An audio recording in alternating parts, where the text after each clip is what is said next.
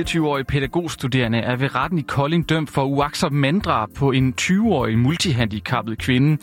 Den studerende, der var i lønnet praktik, sørgede ifølge anklagen ikke for en passende vandtemperatur i badekarret. En tragedie, der også fortæller historien om en pædagogstuderendes værste mareridt. For blev hun efterladt alene med for meget ansvar, og kunne det være undgået, hvis systemet havde set anderledes ud? Det prøver vi at se nærmere på i dagens indsigt. Jeg er din vært. Mit navn er Martin Solmann. Og lad mig starte med at sige, at indsigt den skal ikke sådan handle decideret om den her konkrete sag.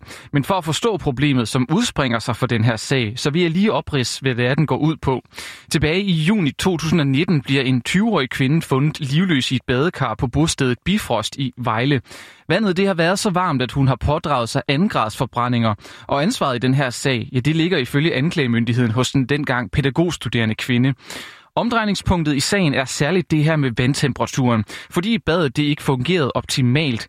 De knapper, som justerer vandets temperatur og styrke, ja, det skulle den pædagogstuderende selv sætte på. Og derudover kom det altså også frem i retten, at det her brugsarmatur manglede et, en skoldningsventil, der altså gør, at vandet ikke bliver brændende varmt. Men den pædagogstuderende havde ikke prøvet at benytte den her mangelfulde, øh, bad, det her mangelfulde bad før, og det var altså også første gang, hun skulle have den kvindelige beboer i bad på egen hånd. Og det leder så frem til det her spørgsmål om, hvorvidt den studerende fik for meget ansvar som praktikant i den her situation. En anden, der har søgt svar på netop det her, det er Michelle Madsen. Hun er journalist ved Vejloms Folkeblad og har fuldt sagen tæt de sidste halvandet år. Vi har jo prøvet at stille spørgsmål til kommunen, hvordan en praktikant kan ende med at stå med, med skylden for det her. Altså men for eksempel, man kan jo sige, hvorfor går hun fra en, en ung kvinde, som ikke har mulighed for at, at råbe på hjælp eller rejse, så har der har nogen sagt til hende, at, at man godt kan lade en, en borger med handicap sidde i badekarret så lang tid uden øh, opsyn. Men det spørgsmål er stadig ubesvaret, så vi har prøvet at brede det lidt ud for at få et billede af, hvordan det egentlig er at være i praktik som pædagogstuderende. For selvom sagen fra Vejle er et ekstremt tilfælde, så er det måske også tilfældet, der kan åbne nogle øjne for et større problem. For som pædagogstuderende, der skal man igennem flere praktikophold, og to af dem, de er altså på seks måneder, hvor man er ansat som lønnet praktikant, og altså ikke med SU. Og det betyder altså også, at du som studerende har de samme vilkår og det samme ansvar som en færdiguddannet pædagog pædagog.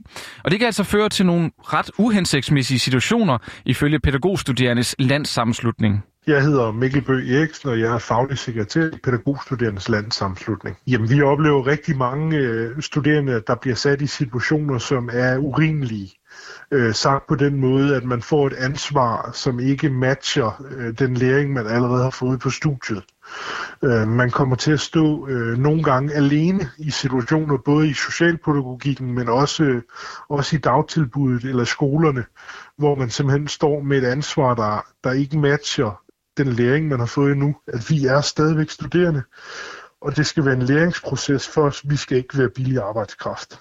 Og en af dem, der har oplevet at stå i den her situation som pædagogstuderende, det er Emma Voldsholt Svane. Hun fortæller, at hun i alle sine tre praktikperioder har oplevet at stå med et ansvar, som hun slet ikke var forberedt på. Og så er jeg så nødt til at sige, at der er forskel på de praktikker, vi nu skal holde op imod hinanden. For mens der i Vejlesagen er tale om praktik som socialpædagog, ja, så har Emma været i praktik i børnehaver og vuggestuer.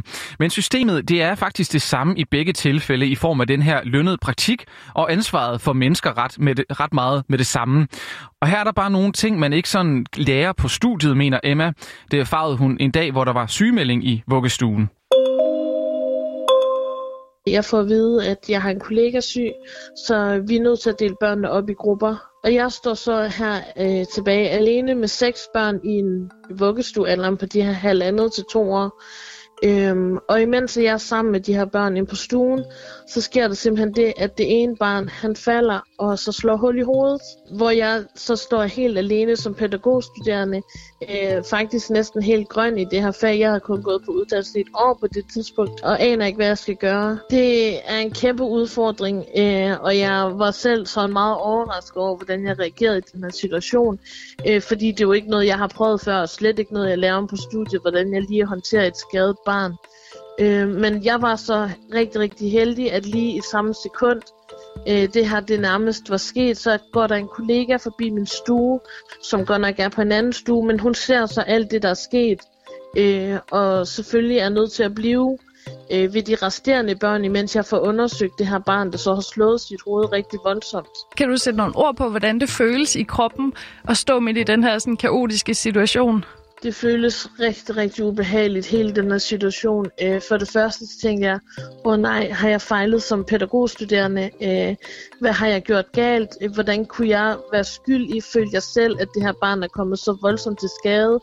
Øh, hvor mange børn er det her egentlig gået ud over, fordi der var to børn, der var rendt sammen, øh, og der var blod på begge børn, altså hvor jeg sådan lidt, øh, hvad kan jeg lige gøre her, hvordan slår jeg ordentligt til, i stedet for bare at reagere ud fra mine instinkter. Og jeg har vendt situationen 100 gange lige siden, for at finde ud af, har jeg reageret rigtigt?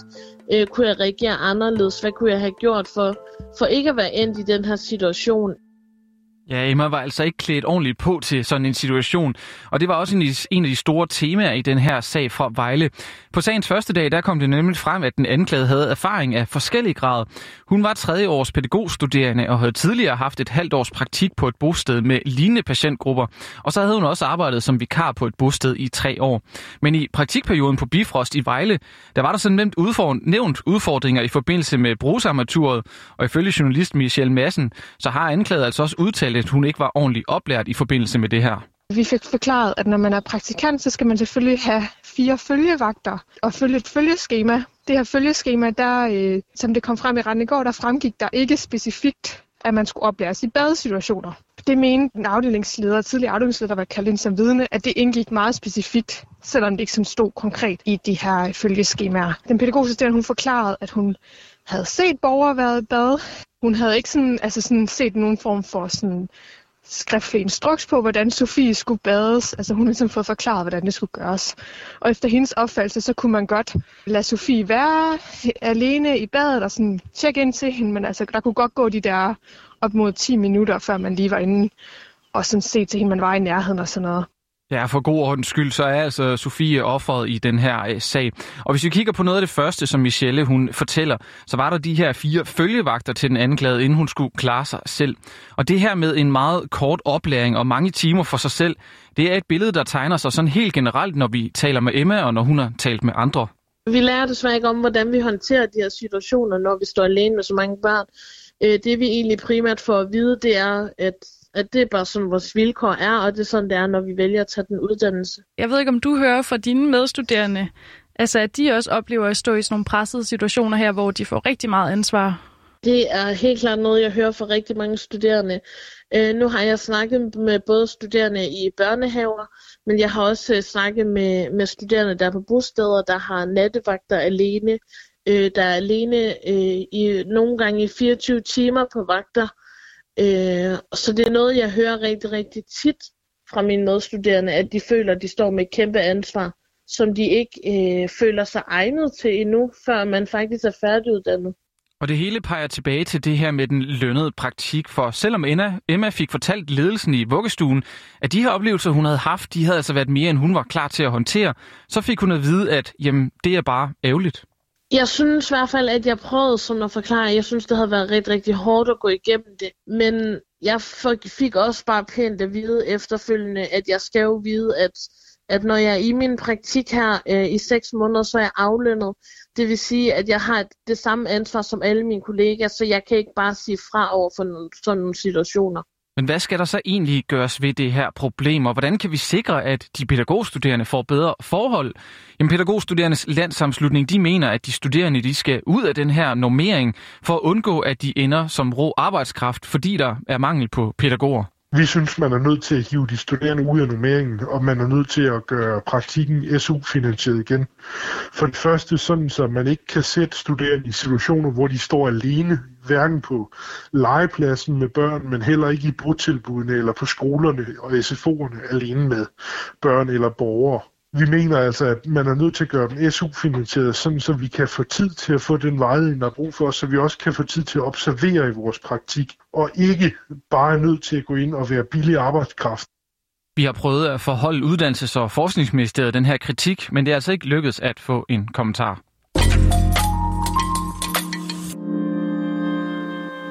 Det var dagens udgave af Indsigt. Programmet var tilrettelagt af Jonas Emil Jakobsen, Henriette Kamper og Anna Søjberg. Jeg var din vært, og mit navn det er Martin Sodemann.